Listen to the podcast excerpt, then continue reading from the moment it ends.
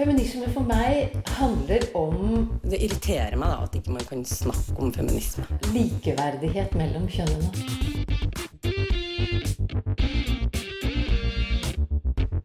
Det blikket på kvinnen på film. handlet det om å bli tatt på alvor som jente. Du hører på Et eget rom på Radio Nova. Hvorfor henger arbeidsliv så tilsynelatende tett sammen med likestilling?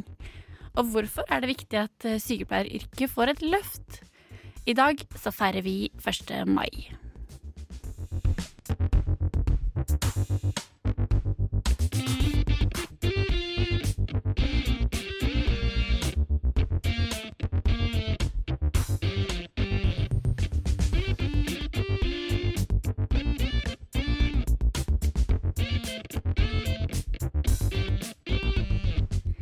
God eh, formiddag og god mandag, og hjertelig velkommen til Radio Novas eh, feministiske radioprogram. Et eget eh, rom. Mitt navn det er Eline Hystad, og med meg i studio så har jeg tekniker Helje Svensson, og ikke minst deg, Ann Marie Sunde. Ja. Fordi du, som mange andre av Norges befolkning, du har fri i dag. Ja, Fra praksis. Ja. Ikke fri herfra, men det er 1. skole. mai. ja. Det er 1. mai, arbeidernes eh, fridag. Frigjøringsdag. Da Ja. feirer vi jo alt arbeidet vi har gjort, og at det er Vi lever i det flitte navnet der vi har arbeid, og ikke minst alt man har arbeida for. Ja. Har du gått i 1. mai-tog før? Jeg har det. Jeg har gått én gang i Oslo, men eh, mest i Kristiansund, der jeg er fra. Ja. Ja. Veldig gøy. Ja. Sånn som jeg har forstått det i år, så er slagordet for toget her i Oslo i hvert fall 'trygge jobber, nytt flertall'. Og det er jo veldig masse saker på, på agendaen stadig når det kommer til eh, arbeidsliv og hvordan man skal organisere. Og ikke minst i forhold til likestilling, da, så tenker jeg at eh, arbeid hele tiden har hengt sammen med det, egentlig, historisk sett. Mm. ja, Både det her er med lønninger og tilgang til yrker og utdanning og diskriminering. Og vi har jo hatt flere saker her også tidligere. Mm. Jeg tror Det første jeg tenkte på da når jeg tenkte på feminisme og arbeidsliv, det var liksom 70-tallet. Men når jeg begynte å se litt mer på det, så tror jeg nok det er, handler mer om eh, kanskje slutten av 1800-tallet og sånt også. Mm. Og at etter hvert så åpner fagorganisasjoner for kvinner. Og så er det jo Det er vanskelig å sammenfatte hva som egentlig skjer her. Tenker jeg, fordi det er veldig mange forskjellige bevegelser. Man har den sosialistiske bevegelsen Mm. som snakker om eh, klasse. Ja. ja, jeg tror liksom sånn historisk sett hele tida så har på en måte kvinnene beveget seg litt etter hvordan arbeiderbevegelsen har vært også, da. At det har vært litt sånn når arbeid ble industrialisert, så ville kvinner også inn i det, og da fikk man foreninger som jobba for at kvinner skulle få muligheten til det også. Og så seinere, når eh, arbeidet ble Eller 70-80-tallet, da, så ville man jo ha en litt mer sånn frigjøring av kvinner. At man skulle få sitt eget arbeid og være litt friere fra mannen. At man da brukte arbeid som en måte å oppnå det, da. Det og det henger jo veld, altså det gir jo masse mening, fordi Mm. i dag er vi jo veldig avhengig av å ha et arbeid for å kunne være fri og for å kunne være selvstendig, så da gir det jo mening. Ja, det har eh, hengt eh, tett sammen hele tiden. Mm. Um, det er veldig masse mer man kunne sagt om det, da. Men, eh, men det er veldig interessant å se på, egentlig. Og jeg tipper at vi kommer tilbake til det seinere også. Vi, vi har vært veldig heldige, for selv om det er eh, fridag, så har vi, skal vi faktisk få ganske masse besøk i dag. Og rett rundt svingen så kommer LO for å snakke om eh, hvorfor vi feirer 1. mai, og hvorfor arbeid og likestilling henger så tett sammen. Og så skal vi også faktisk få høre ifra Sykepleierforbundet. Men før det så skal du få litt musikk fra Kelly Lee Owens, som har vært eh, flere turer innom A-lista her på Radio Nova. Nå med låta Keep Walking. Der eh, hørte du britiske Kelly Lee Owens med låta Keep Walking her i et eget rom. Og vi markerer 1. mai i dag, og derfor er det veldig fint at du ville komme til oss, eh, Synnøve Konglevold. Du er spesialrådgiver i Landsorganisasjonen, kanskje bedre kjent som eh, LO for de fleste. Eh, Som altså er Norges største lønnstakerorganisasjon. Eh, Gratulerer med dagen, er det, det riktig å si? Ja, det er Ja. riktig å si. Vi sier gratulerer med dagen på 1. Ja. mai. Jeg tenker at Først av alt, siden det er 1. mai i dag, eh, kan ikke du fortelle oss litt om hvorfor det, det er en viktig dag? Og hvorfor det er viktig nå i 2017 i Norge også, tenker jeg. 1. mai er jo arbeidernes internasjonale kampdag, eh, og den er viktig eh, av mange grunner. Fordi arbeidslivet og de eh, eh, reglene som organiserer og styrer arbeidslivet, det er viktig for oss. At vi har et trygt og godt arbeidsliv. At vi har arbeid til alle. eh, Og at alle som er i jobb, kan ha en lønn å leve av. Det er kjempeviktig for folks frihet, for rettferdig fordeling, for at vi har et godt samfunn. Så det er noe som alltid er aktuelt. Det er noe som alltid er aktuelt. Og vi har jo sett nå i, i fire år, da, så har vi jo hatt eh, Arbeidstidsspørsmålet har jo vært veldig høyt på dagsordenen. Vi har hatt, ei regjering eh, som har gått til angrep på viktige faglige rettigheter, eh, som eh, har undergravd f.eks. Eh, det at eh, faste stillinger eh, skal være hovedregelen, og eh, at midlertidighet kun skal være når man har et midlertidig behov, f.eks. Det er et eksempel da, på en type kampsak som er viktig å markere også i dag. Men vi, vi her i et eget rom vil jo gjerne snakke om likestilling. Ja. Eh, og jeg så at eh, Peggy Hessen Følsvik, som er førstesekretær eh, i LO, hun har sagt at LO mener et mer likestilt arbeidsliv er nøkkelen til et mer likestilt samfunn. Ja, Og det er jo veldig spennende, tenker jeg. Eh, hvorfor, eh, eller hvordan spiller arbeidslivet en så, så viktig rolle? Det eh, arbeid og arbeidslivet er utrolig viktig for eh, hver enkelt av oss. At vi har en jobb, at vi har ei lønn å leve av, at vi har det bra på jobben, at vi har gode rettigheter. Og det å ha et trygt og godt og velorganisert arbeidsliv er veldig viktig for samfunnet. Vi, og det er veldig viktig for hvordan samfunnet er organisert, for fordeling, for folks inntektsnivå. Eh, og så ser vi at i arbeidslivet så er det fremdeles store, vikt, altså store kjønnsforskjeller. Jeg jobber i eh, samfunnspolitisk avdeling i LO. Det er den avdelinga som driver og analyserer arbeidsmarkedet. Eh, og det vi ser, er jo at på alle områder eh, som vi analyserer, så er kjønnsforskjellen eh, markert. Den er stor. Det gjelder alt fra andelen sysselsatte. Det gjelder arbeidstid, der kvinner langt oftere jobber deltid enn det menn gjør. Det gjelder inntekt, både når du regner om til eh, eh, at alle skulle ha hatt en 100% stilling, men enda mer når du ser på hva kvinner og menn faktisk tjener. Så det er eh, massevis av kjønnsforskjeller i arbeidslivet eh, som gjør at kvinner kommer dårligere ut i snitt økonomisk enn det menn gjør, f.eks. Så tanken er at hvis man kan regulere noe av det, så er man kommet langt på vei i et mer helhetlig samfunnsliv Så hvis du klarer å gjøre noe med de likestillingsutfordringene som vi ser uttrykt i arbeidslivet, så har vi kommet langt på vei i et mer likestilt samfunn. Og mange av grunnene til at vi ser f.eks. at eh, kvinner jobber mer eh, deltid, det, det er både forhold i arbeidslivet som er med å påvirke det, men det er også forhold i samfunnet, i, i manglende likestilling i familien. Da. Så disse tingene henger jo sammen. Ja.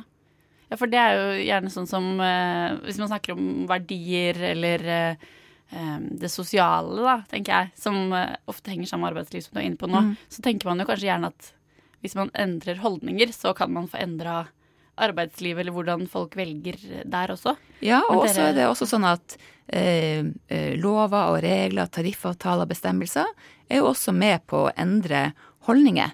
Eh, og et veldig godt eksempel på det er jo eh, fedrekvoten, som det har vært eh, veldig stor oppslutning om eh, blant eh, menn eh, til å ta ut eh, fedrekvoten. Og oppslutninga har Når det var åtte uker fedrekvote, så var det veldig mange som syntes at det var en veldig fin lengde. Og så ble det økt til ti uker, så var det en veldig fin lengde. Så ble det økt til tolv uker, så var det en lengde som det var stor oppslutning om. Sånn at det at man har tatt også både politiske beslutninger og reguleringer i arbeidslivet gjennom tariffavtaler, det påvirker jo hva normen er, hva man syns er en god ting. Ja, fordi eh, jeg tenker også litt med det med deltid, da.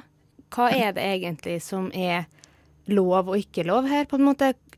Hvordan er det det blir styrt nå? Eh, altså Vi har jo en eh, arbeidsmiljølov som har arbeidstidsbestemmelse, eh, og det er 40 timers uke. Eh, og så har vi også tariffavtaler som gir en normal arbeidsuke på 37,5 timers uke. Så de aller fleste arbeidsplassene er jo organisert omkring det. Men så er det særlig i en del kvinnedominerte deler av arbeidslivet, så er deltid en mye vanligere måte å jobbe på. Eh, I diskusjonen om heltid og deltid så det er mange som sier at ja, men kvinner velger jo det oftest sjøl. Av hensyn til at de vil ta seg av familien, at de ikke ønsker å stresse så mye. Men det vi ser, er jo at hvis man er kvinne og jobber i en eh, mannsdominert eh, bransje, eller på en arbeidsplass som er ganske kjønnsjevn, så er sjansen for at du jobber deltid mye mindre enn hvis du jobber på en kvinnedominert arbeidsplass. Og da er det særlig noen deler av arbeidslivet, helse- og omsorgssektoren, også en del privat tjenesteyting, som peker seg ut. Hvor arbeidsdagen er mye mer organisert omkring deltid. Eh, sånn at det er ikke eh, Du kan ikke redusere spørsmålet om deltid til å handle om den enkeltes valg. Det handler også om arbeidslivets organisering. Det er jo mange som, eh, som argumenterer for det enkeltes valg i disse tilfellene. tenker jeg. Sånn, mange mener at det er en mulighet for å bestemme familieordning f.eks. selv og ha mer fleksibilitet. Ja, men resultatet er jo ofte at det er da kvinnen som tar det valget, som tar den kostnaden, som, som jobber mindre. Og det er jo problematisk, mener jeg, og mener jeg på en måte et feministisk uh, argument eller perspektiv, da, så er det problematisk at det alltid da er kvinnen som ender med å ta, ta det valget. Mm. Ja. Du skal få være med oss eh, litt til, eh, Synnøve. Og vi skal fortsette å snakke om det her. Men uh, før det så skal du få litt musikk fra Fugler, som uh, synger om at de er lei av sprit, rett og slett.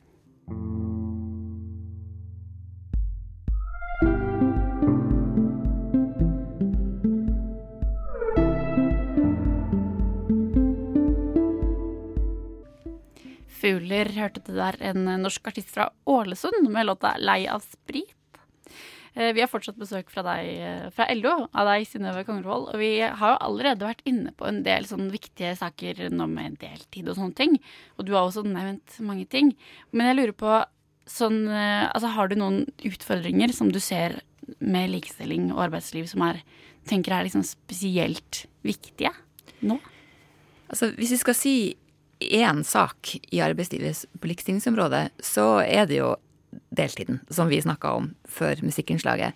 Eh, at kvinner eh, i så ofte, mye oftere enn menn eh, jobber deltid og, og, har det som en langvarig tilknytning til arbeidslivet. Så det, og så er det jo det at generelt sett så står kvinner svakere i arbeidslivet enn det menn gjør. Som jeg nevnte i sted. altså man lavere sysselsettingsandel, jobber oftere midlertidig ansatt, tjener mindre også fordi man jobber mindre. Så, de, så at kvinner står svakere i arbeidslivet, men det tror jeg er noe man kanskje ikke tenker på så ofte, i, mange ikke tenker på så ofte, men det er en veldig viktig likestillingsutfordring. Hvordan kan man regulere det her med Da, da snakker man vel kanskje gjerne om sånn ufrivillig deltid, eller? Så man kan jo kan man... man, vi, vi, jobber jo for det i LO, og det er jo en ganske bred enighet også mellom LO og mange arbeidsgiverorganisasjoner om å samarbeide for å få opp heltidsandelen.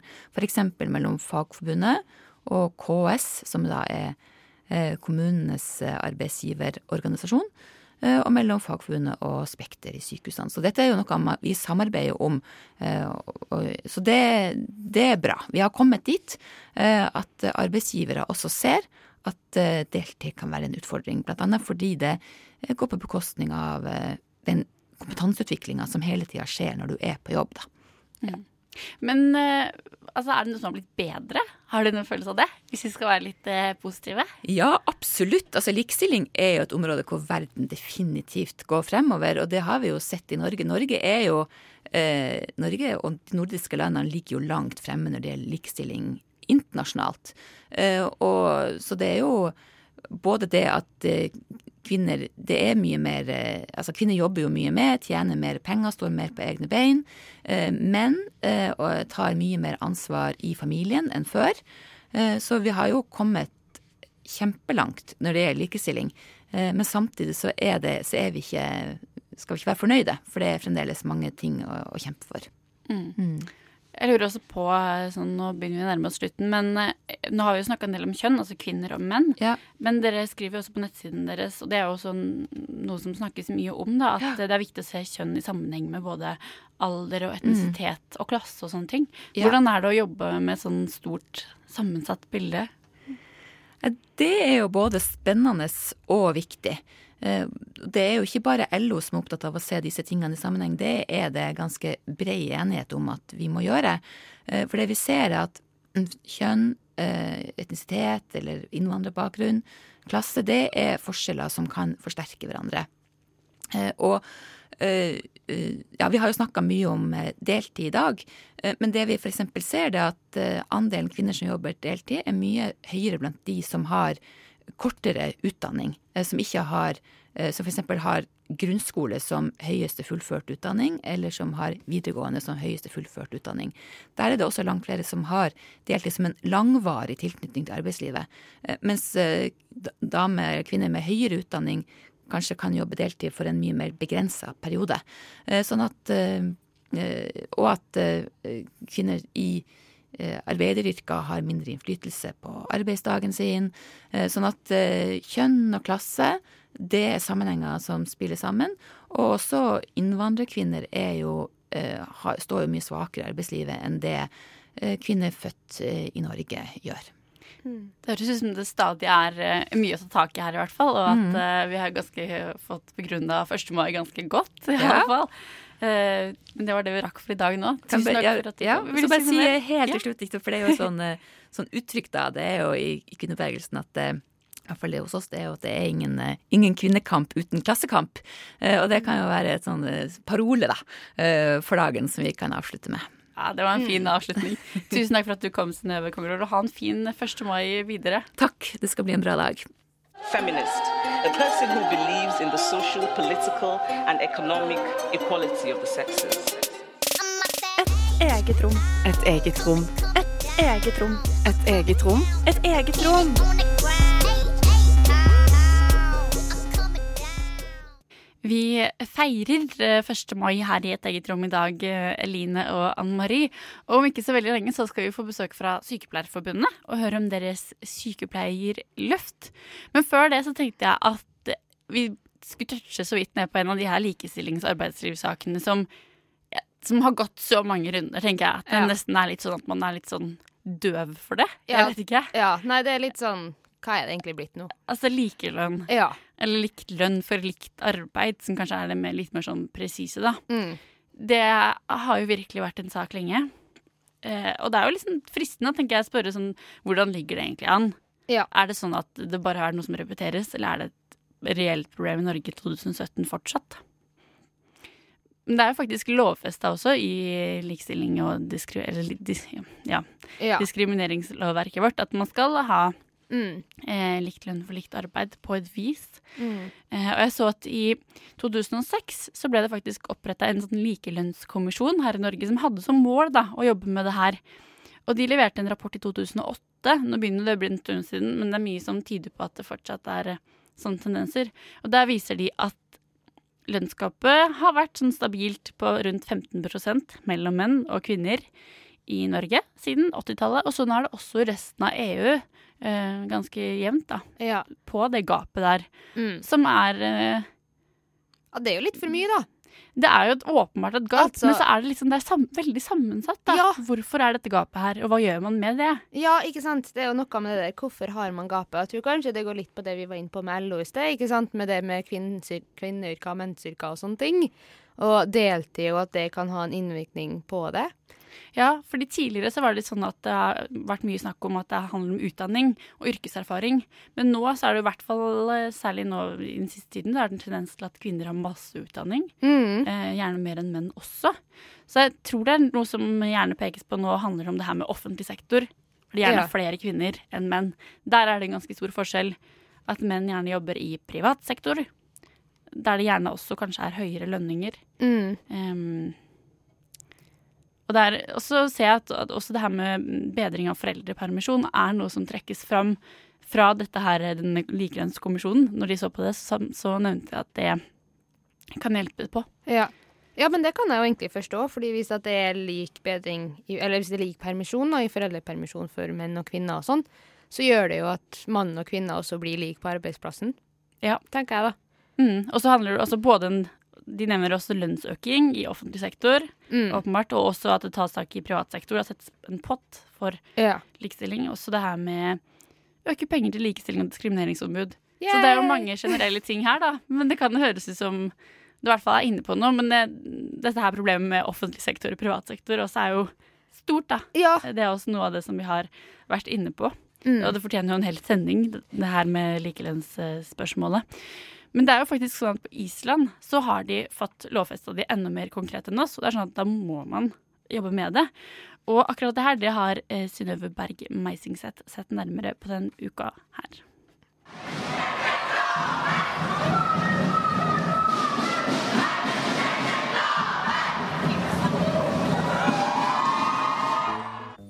Kvinnedagsmarkeringa har gjennom historien bestått av et mangfold av kamprop og paroler. Enkelte saker har man heldigvis blitt ferdig med, mens andre har stått seg siden man starta å markere 8. mars. En av dem er den velkjente parola 'lik lønn for likt arbeid'. Det kan virke som vi liksom aldri kommer helt i mål på det området. Hvorfor greier ikke Norge, som er et av verdens mest likestilte land, å sørge for at likt arbeid er lik lik lønn? Kan det være så vanskelig? Og hvis ikke Norge klarer det, hvem andre?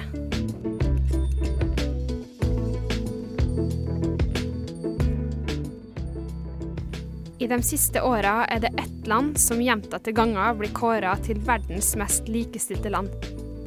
Det er faktisk ikke Norge, som kanskje mange tror, men eh, Island.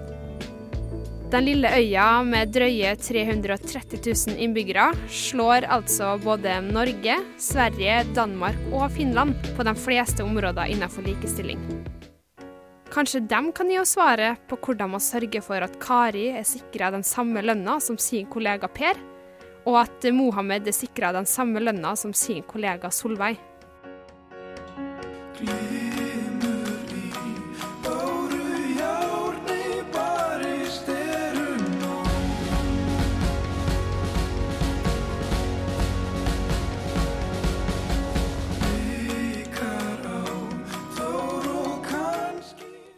En gladnyhet er at det faktisk kan hende at Island har funnet løsninger. På 8. mars i år kunne den islandske likestillingsministeren Torstein Viglundsson opplyse om at regjeringa vil fremme et forslag som pålegger enhver bedrift med over 25 ansatte å gjennom en attest bevise at man betaler kvinner og menn den samme lønna.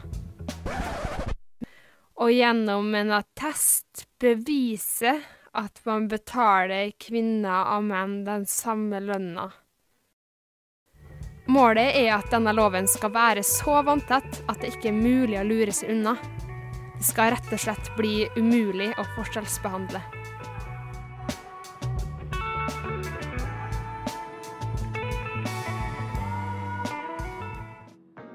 I dag tjener islandske kvinner 20% mindre enn islandske menn. Hvis man fjerner faktorer som f.eks. familieforpliktelser, ligger kjønnsgapet fortsatt på 7,8% i privat sektor og 7% i offentlig sektor. Den islandske likestillingsministeren sier at dette er noe kvinner må betale for gjennom hele arbeidslivet, og at det er en plikt å innføre lover som setter en stopper for dette. Målet med loven er at lønnsgapet skal tettes innen 2022, altså om kun fem år. Man tenker kanskje at det skulle jo bare mangle at man har strenge lover som sørger for at forskjellsbehandling innenfor arbeidslivet ikke skjer, men for veldig mange anses dette som et veldig radikalt lovforslag. Mange mener at det er grenser for hvor mye staten skal blandes inn, og at en slik regel vil føre til enda mer unødvendig byråkrati. Men det er faktisk flere islandske bedrifter som har vært prøvekaniner for denne regelen. De som har prøvd, oppgir at det i starten opplevdes som en byrde. For det krever jo en del energi og tid å bygge et likelønnssystem og dokumentere alt det som må dokumenteres. Men når det var gjort, så opplevdes det som en stor fordel. Man må jo føle seg litt bedre som arbeidsgiver når man får se svart på hvitt at alt er på det rene. Synnøve Berg Meisingseth, hørte du der som har sett nærmere på hvordan de har løst det med likelønn på Island? Og noen andre som er opptatt av lønningsnivåer blant mange andre ting, det er Norsk Sykepleierforbund. Det er stor sykepleiermangel, og om 20 år vil vi mangle 30 000 sykepleiere hvis de ikke gjør noe, skriver de. Og med det her som utgangspunkt, så er, eh, har Sykepleierforbundet initiert Sykepleierløftet i februar 2016. Og her i et eget rom nå så har vi fått besøk av deg, som er studentleder i Norsk Sykepleierforbund i studio, Thea Martine Olsen. Velkommen til deg. Takk for det. Har du lyst til å begynne med å si litt om eh, altså, er, hvorfor er dette her viktig med et sykepleierløft? Hva, hva er problemet sånn som det er nå? Um, først og fremst så må jeg jo si at sykepleieryrket er jo verdens beste yrke. Det er verdens beste jobb å ha, og det, du får eh, den perfekte kombinasjonen av teori og praktiske ferdigheter, og du får jobbe med mennesker som virkelig har behov for det. Eh, men så er det noen helt eh, elementære utfordringer som vi står overfor, og det er bl.a. lønn og det her med heltid og deltidskultur i arbeidslivet. Um, som du nevnte innledningsvis, så har vi en kommende sykepleiermangel som er veldig stor og omfattende, som i stor grad allerede eksisterer i kommunehelsetjenesten, der pasientene er eldst og dårligst, og der eldrebølgen kommer til å um, ramme hardest. I tillegg så skal man flytte masse oppgaver fra sykehusene og over til kommunehelsetjenesten. Uh, så presset vil bli enda større. Det som er utfordringa, er at veldig mange får tilbud om deltidsstillinger og ikke full stilling. Man har sett eksempler på ganske nylig stillinger på 47,5% som sykepleier. Det er ikke noe man kan leve av som, som sykepleier. I tillegg så, så, mener vi at vi burde få et lønnsløft. Eh, det er mange nok eksempler på sykepleiere i Oslo som ikke har råd til å etablere seg her. Som har jobb i Oslo, men som har flyttet ganske langt ut av byen for å i det hele tatt ha råd til å til å bo og leve. Eh, og når sykepleiere er så verdsatt og så nødvendig i helsetjenesten, så har man ikke råd til at folk ikke har råd til å etablere seg, og til ei lønn som ikke går an å leve av. Så det er, det er noen av hovedutfordringene akkurat nå. Det her sykepleierløftet det er jo en liste egentlig med sju punkter som dere har utforma, som bl.a. omhandler det her med heltid, deltid og lønninger. Mm. Eh, vil du si noe sånn overordna om hvorfor, eh, hvorfor, dette tiltaket ble til? Det handler jo om at eh, hvis man skal klare å rekruttere nok sykepleiere til å motvirke denne sykepleiermangelen, og til å gi befolkninga de tjenestene de har behov for, og de, eh, de sykepleierne som skal gi behandling og møte pasienter, de får man ikke tak i med mindre man gjør noe.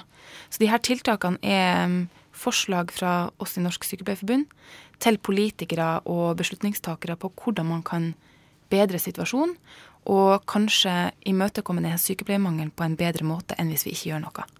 Ja, fordi eh, et av de syv punktene deres er jo det der med full lønn for sykepleiere under spesialisering. Mm. Kan du si litt om hva det egentlig betyr?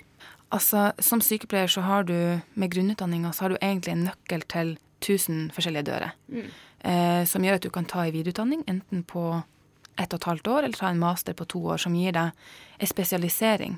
Og mye av behandlinga i Norge, eh, og helsetjenesten i Norge for øvrig, er basert på spesialiteter. Da trenger vi folk som er høykompetent innenfor veldig smale felt, til å gi veldig avansert behandling.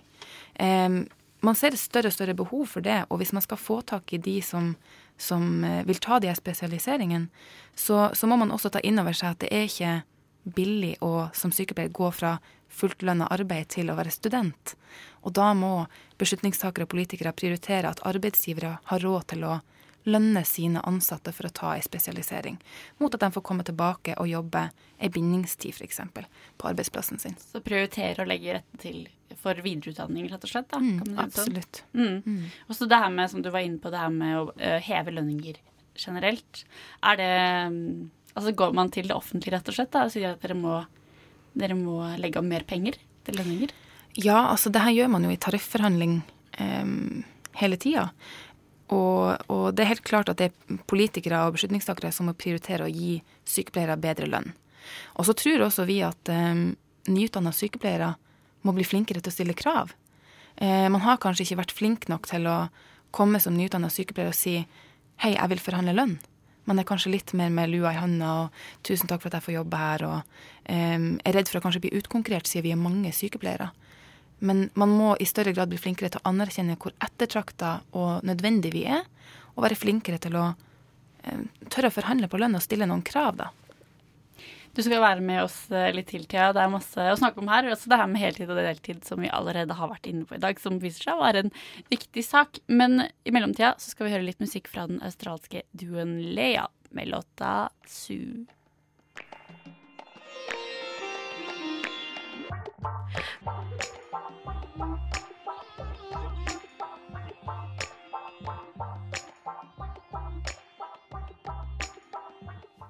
Duoen Leia skriver på nettsiden sin at de høres ut som chaos versus routine, woman versus man og art versus pop, og det kan kanskje stemme ganske bra. Låta den het i hvert fall Su, og her i et eget rom tar vi fortsatt besøket fra Sykepleierforbundet og snakker om Sykepleierløftet. Der det er eh, sju tiltak for å bedre sykepleierståa, hvis man kan si det sånn. Eh, vi har allerede vært innom det nå med deg, Thea, men heltid og deltid. Det er en utfordring. Det hørte vi også fra LO tidligere i dag. Eh, og kanskje spesielt i sykepleieryrket så er det noe som snakkes om. Det som er eh, Mange snakker om det her med, med frivillig og, og tvungen deltid, ikke sant. Og eh, det, er en, det er noen sykepleiere som tar, eh, takker ja til lavere stillingsbrøker enn 100% Og det tror vi at eh, det her med frivillig, i hermetegn frivillig deltid er et symptom på et uholdbart arbeidspress. At man ikke har nok bemanning, sånn at presset på den enkelte sykepleier er altfor stort. Og det gjør jo at mange er villige til å gå ned i stilling for å holde ut arbeidspresset. Um, og at de gjerne tar på seg en lavere prosentstilling enn de egentlig trenger og har behov for for å få hverdagen til å gå rundt. Um, men for mange så ender det også med at de blir sykemeldt. At de ikke klarer å stå i jobben over tid. Og hvis man hadde tilbudt alle sykepleiere i helsesektoren eh, heltidsstilling, så ville man fått 13 000 nye årsverk. Og det sier litt om hvor mange eh, deltidsstillinger som er der ute. Men hvis det er sånn at, eh, at sykepleiere vil ha heltidsstillinger, hvorfor er det sånn at det tilbys så utrolig mange deltidsstillinger da? Jeg tror veldig mange sykepleierledere er veldig pressa på det her med kapasitet og, og penger. Man skal hele tida spare penger og bli mer effektiv. Eh, og så er det jo sånn at det, det, må være like dyrt å leie inn dyre vikarer på kort frist enn å ansette en, en sykepleier i full stilling i stedet for ei deltidsstilling. Men det handler om prioriteringer fra politikerne. Om rammebevilgninger og om midler til å prioritere nok arbeidskraft, rett og slett. Mm. Jeg tenkte på, nå Siden vi har deg her og som er studentleder, så vil jeg gjerne høre litt om, om utdanninga også. For det også er et av punktene at et kvalitetsløft i sykepleierutdanninga. Hvordan ligger det an nå med sykepleierutdanninga?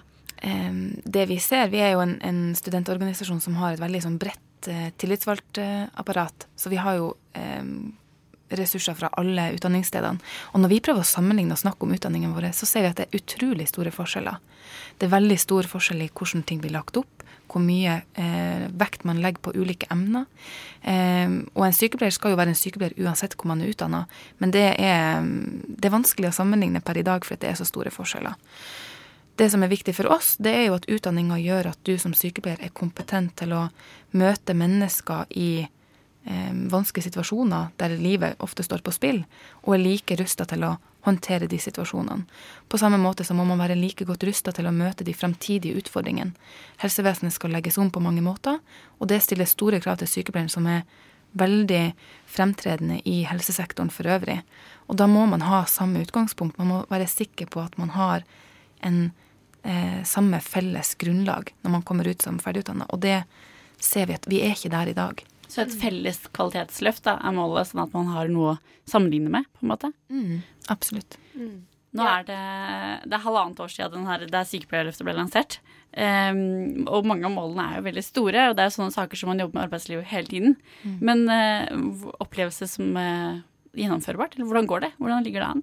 Altså Mange av de her tingene er jo ting som tar tid. Det er ting som må gjøres over tid, og det må modnes. Og det er mange steiner som må legges for å bygge denne brua. Uh, og vi er fast bestemt på at vi skal få med oss befolkninga på det her. Og vi, vi vet at befolkninga ønsker å bli ivaretatt på en god måte i helsesektoren. Og da handler det om at eh, de også må signere sykepleierløftet og kreve at politikere og beslutningstakere prioriterer nok sykepleiere til å faktisk møte pasientene. Eh, Og så vil jeg jo igjen slå et slag for at vi som nyutdanna sykepleiere skal begynne å stille krav. Vi skal ikke ta til takke med deltidsstilling eller uholdbare arbeidsforhold. Og vi skal begynne å tenke på det å, å, å kreve lønn, ikke bare minstelønn. Fine ord å ha med seg ut resten av første vår, tenker jeg. Tusen takk for at du kom hit, eh, Thea Olsen, studentleder i Norsk Sykepleierforbund. Ha en fin 1. mai-feiring videre. Med deg ut så skal du få Svanekropp med Cinderella. Du som er sliten og sinna og lei. Nå vil vi synge ei vise til deg om at kvinner kan si fra, protestere og slåss. Bli med hos oss. Du hører på Et eget rom. Likestilling kommer ikke av seg selv. Det er eh, faktisk sånn at vi er eh, ferdig her i et eget rom for i dag. Og eh, jeg vet ikke, skal du, skal du ut og feire 1. mai, Anne Marie? Ja, jeg vet ikke helt. Jeg venter litt på tilbakemeldinger om andre folk skal. Hvis ikke så har jeg mer enn nok skole å gjøre, så vi får se litt, tror jeg. Ja, det er litt sånn eksamensperiode for studenter også, men Ja. kanskje det. man har godt av å ta seg litt av tur ut i, ut i gata og feire litt. Ja, man har kanskje det. Ja, det er i hvert fall åpenbart mye man kan snakke om da, tenker jeg. Mm, veldig mye å snakke om, veldig mye viktig å snakke om, tror jeg. Vi har jo fått bevist i dag hvor viktig, eller hvor godt arbeidsliv og likestilling henger sammen. Hvor mye det egentlig kan bety. Mm, absolutt. Neste uke så skal vi snakke om liberal feminisme. Mm. Og se litt nærmere på det som ikke er eh, lengst til venstre i feminismen. Um, snakke litt om det. Mm. Det blir spennende. Og som alltid så får du tak i oss både på Facebook-sidene våre, Instagram, eller til og med via e-post hvis du foretrekker det. Og vi blir veldig glad for forslag hvis det er noe du syns at vi skal snakke om. Så det er bare å sende inn. Tusen takk til Synnøve Berg Meisingseth, som har bidratt. Takk til fine gjester fra Sykepleierforbundet og LO. Takk til tekniker Helly Svensson. Jeg heter Eline Hystad, og jeg har hatt med deg, Anne Marie Sunde, på lag i dag. Takk til deg òg. Takk, takk. Og helt til slutt her så skal du få kose deg med litt nynorsk diskomusikk fra Kappekoff og ikke Kaffekopp. Ha en strålende mandag videre. Her får du All Night Long.